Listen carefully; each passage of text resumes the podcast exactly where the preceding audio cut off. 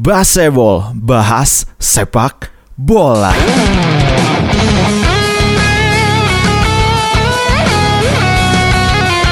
Baseball kali ini akan membahas tentang revolusi di awal masa kepelatihan Antonio Conte, Romelu Lukaku dan Diego Godin yang akan bergabung serta kepergian dari Mauro Icardi.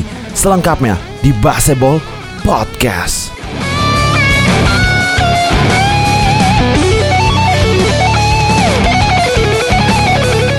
Oke, assalamualaikum warahmatullahi wabarakatuh. Balik lagi dengan gue Ilham Patria Syekh di Baseball Podcast ya. Syekh, Syekh ya, Syekh yang benar. ya ini nuansa habis lebaran dan ini gue rekaman jam 4 lewat 55 pagi. Ini jam, iya pagi. kan ketara masih ngelantur ngomongnya tuh ketara banget tuh. Jadi ini gue baru apa namanya baca-baca berita seperti biasa dan ini ada satu hal yang menarik ya di sini makanya langsung gue coba buat skrip untuk pembahasan di sini ya. Jadi ya mantan manajer Juventus dan Chelsea ya yang udah dipastikan ya yang udah diperkenalkan mah lah. Justru di Inter ya akan apa namanya menangani si raksasa tidur ya, raksasa yang tertidur di dari San Siro gitu, Inter Milan. Ya dengan perubahan besar yang diharapkan selama musim panas ini terja akan dilangsungkan oleh Antonio Conte. Ya ini akan menjadi awal baru bagi Inter. Kata-kata itu sangat sering atau sangat akrab bagi para penggemar Nerazzurri atau Interisti di seluruh dunia pastinya. Ya moto yang telah diulang-ulang hampir di setiap musim sejak kemenangan treble di musim 2009-2010. Gila, 10 tahun yang lalu ya, nggak berasa gila.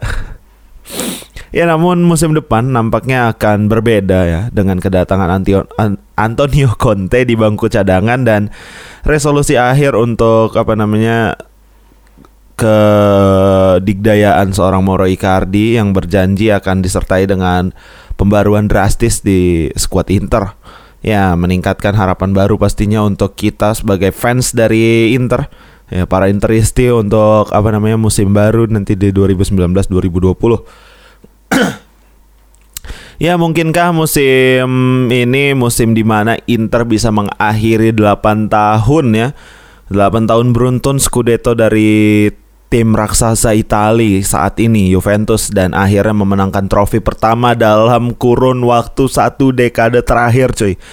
Jadi ya memang benar Selepas dari masa kepelatihan Jose Mourinho bersama Inter yang meraih treble di 2010 di Madrid waktu itu ya dengan kepergian Jose Mourinho ke Real Madrid, Inter nggak pernah ngeraih gelar sekalipun sih bisa dibilang ya. Gelar terakhir itu yang didapat cuman Coppa Italia ya di 2010 dan ya hampir satu dekade berarti kalau untuk hitungannya dan eh 2011 berarti ya musim 2010 2011 jadi musim depannya kita masih bisa mendapatkan trofi tapi ya cuman dari Coppa Italia doang di final lawan Palermo menang 3-1 kalau nggak salah waktu itu.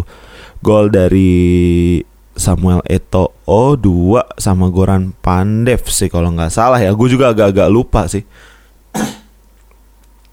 Dan ya ini apa namanya setiap rencana dari perekrutan kemungkinan besar akan dilakukan ya dari keinginan si pelatih baru kita ini ya si Antonio Conte yang jelas akan berdampak pada jendela transfer yang akan mendatang nanti yang akan dibuka sekitar biasanya sih tanggal 1 Juli ya dibukanya ya. Nggak tahu lah nanti updateannya gimana. Gue juga nggak begitu mengikuti untuk bursa transfer musim panas ini karena gue yakin Inter juga nggak nggak mampu gitu dalam segi finansial untuk jor-joran membeli pemain yang mahal-mahal ya terutama pemain dari asal apa namanya yang asal dari Premier League yang udah memang punya nama besar gitu loh.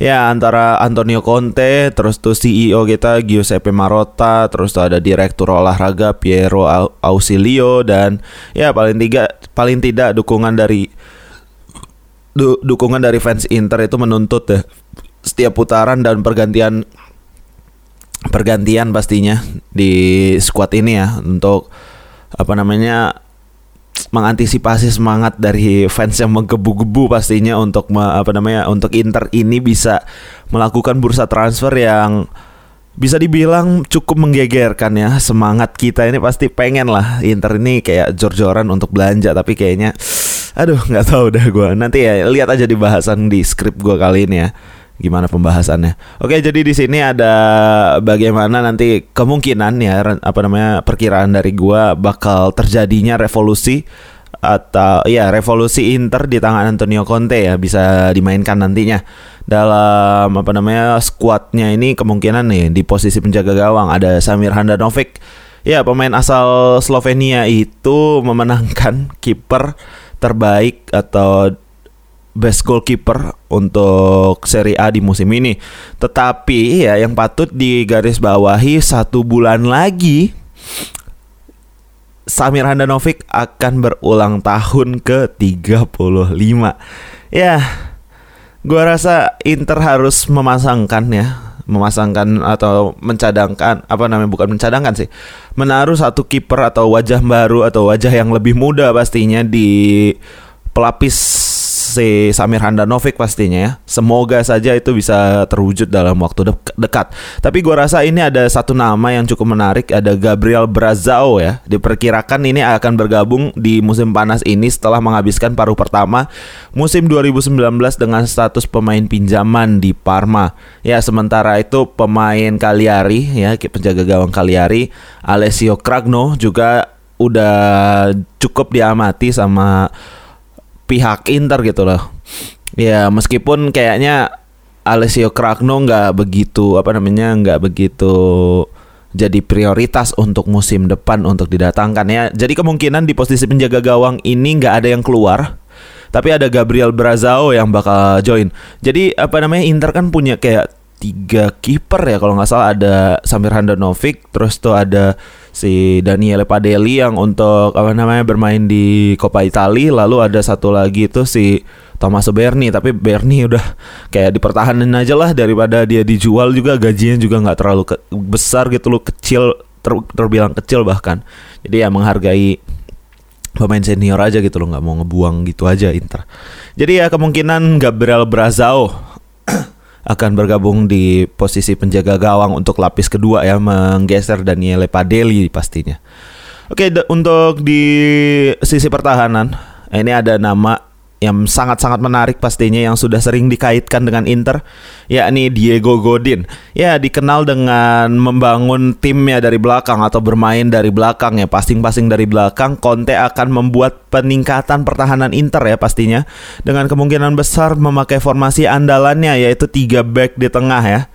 Tiga back di tengah ya sistem pa pastinya merupakan formasi favorit dari Antonio Conte waktu di Juventus dulu. Dan waktu di Chelsea juga kalau nggak salah pakai kayak gitu deh. Terus tuh pakai dua wingback dia, pakai si siapa sih dulu itu? Ah lupa gue pemain Chelsea dulu wingbacknya siapa? Oke jadi di sini sorry sorry. Ya ini tenggorokan agak sakit karena makanannya santan, minyak, minyakan segala macam ya rendang dan lain-lain itulah jadi tenggorokan agak-agak sakit gitu loh. Ini lagian juga rekaman gue pagi-pagi banget ya. ya nggak apa-apa ini untuk apa namanya menyambut Lebaran hari kedua dengan memulai sebuah podcast di Baseball Podcast. Oke ya jadi apa namanya Diego Godin akan menjadi satu penanda tanganan pertama Inter ya di musim panas ini bersama Bosman. Dan bergabung dengan Milan Skriniar dan Stefan De Vrij sebagai lini pertahanan utama di klub ini di Inter.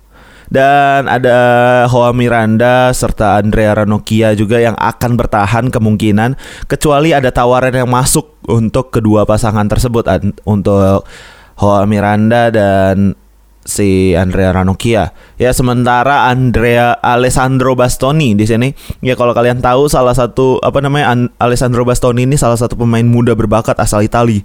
Pastinya kalau kalian main FIFA juga ini salah satu talenta muda yang mampu muda yang memiliki potensi yang sangat-sangat tinggi pastinya.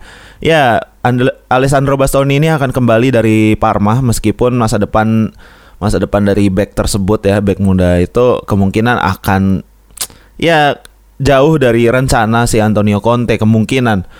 Lalu ada Daniele De Ambrosio juga yang merupakan opsi utilitas pastinya untuk apa namanya masuk ke dalam squad ini.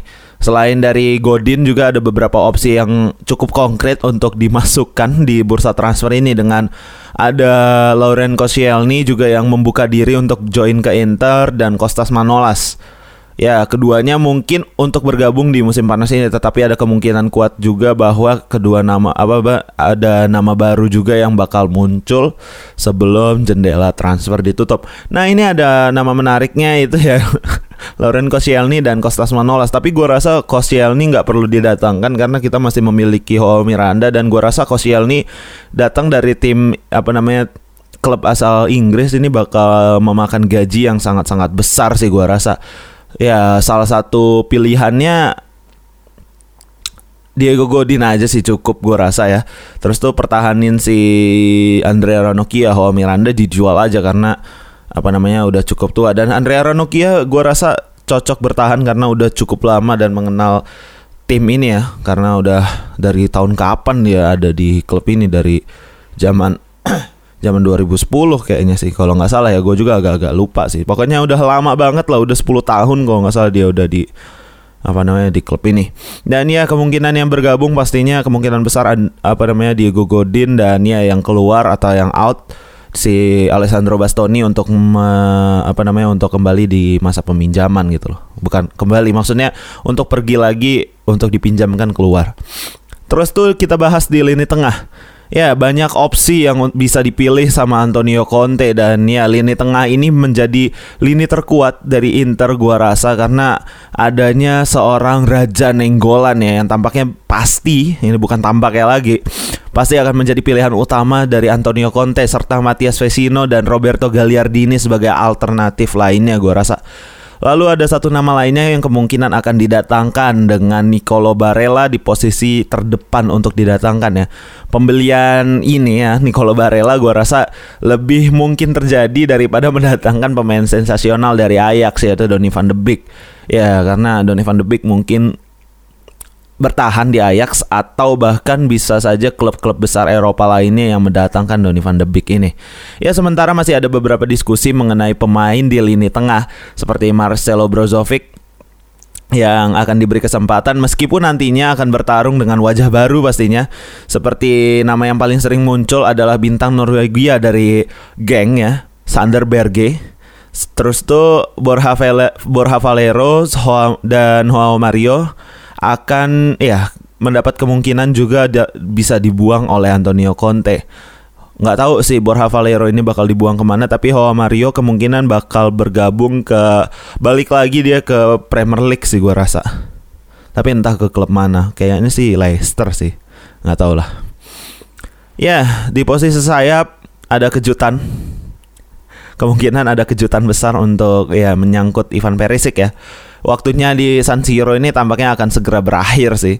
Tetapi ya Conte bisa saja memberikan kejutan lain ya dengan mempertaruhkan bakatnya jadi mempertahankan si Antonio apa Antonio Conte Ivan Perisic ini maksud gue ya pemain Kroasia ini akan dipaksa untuk beradaptasi pastinya dengan formasi baru dan akan bergantian dengan Kuado Asamoah di sayap kiri di mana Dalbert akan menjadi pilihan ketiga atau bahkan Dalbert ini bisa saja dijual kalau si apa namanya Ivan Perisic ini bisa beradaptasi untuk menjadi wingback. Wah, gila. Ivan Perisic jadi wingback cuy. Kacau, kacau. Ya, ini makanya ini satu kejutan besarnya itu si akankah bisa gitu loh si Ivan Perisic ini dipaksa untuk agak bermain sedikit ke belakang gitu.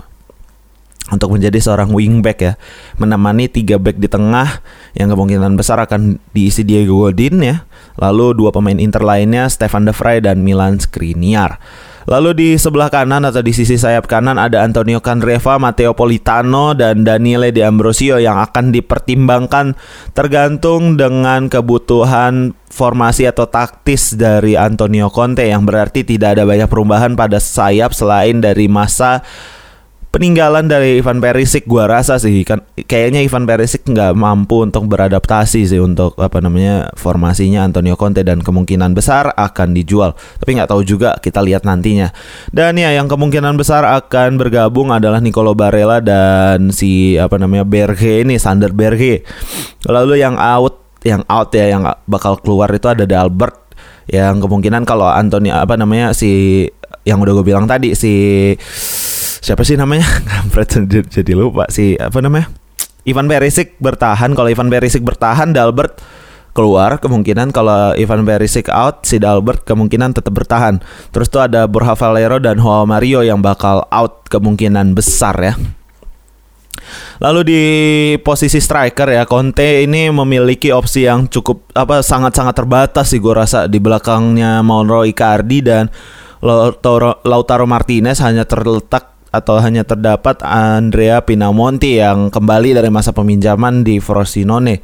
Ya jelas rencana rencana transfer musim panas ini tergantung pada Icardi sih.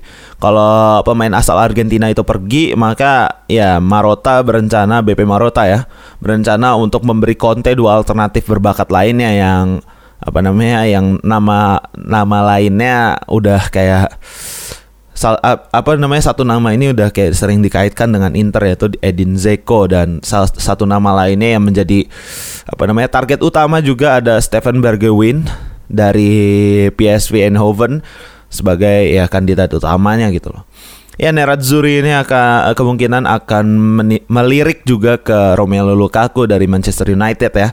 Transfer yang akan diterima dengan baik di San Siro tapi akan sangat-sangat sulit untuk terwujud mengingat ya dari biaya transfer dan masalah gaji pastinya.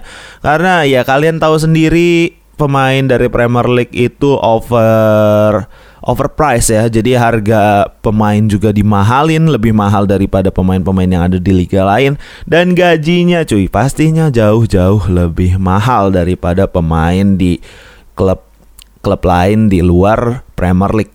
Dan ya bagaimanapun juga Lukaku pastinya masih terbuka untuk didatangkan di bursa transfer ini untuk ke Inter perginya. Dan pemain yang kemungkinan besar akan bergabung ini ada Edin Zeko ya kalau si Icardi ini pergi.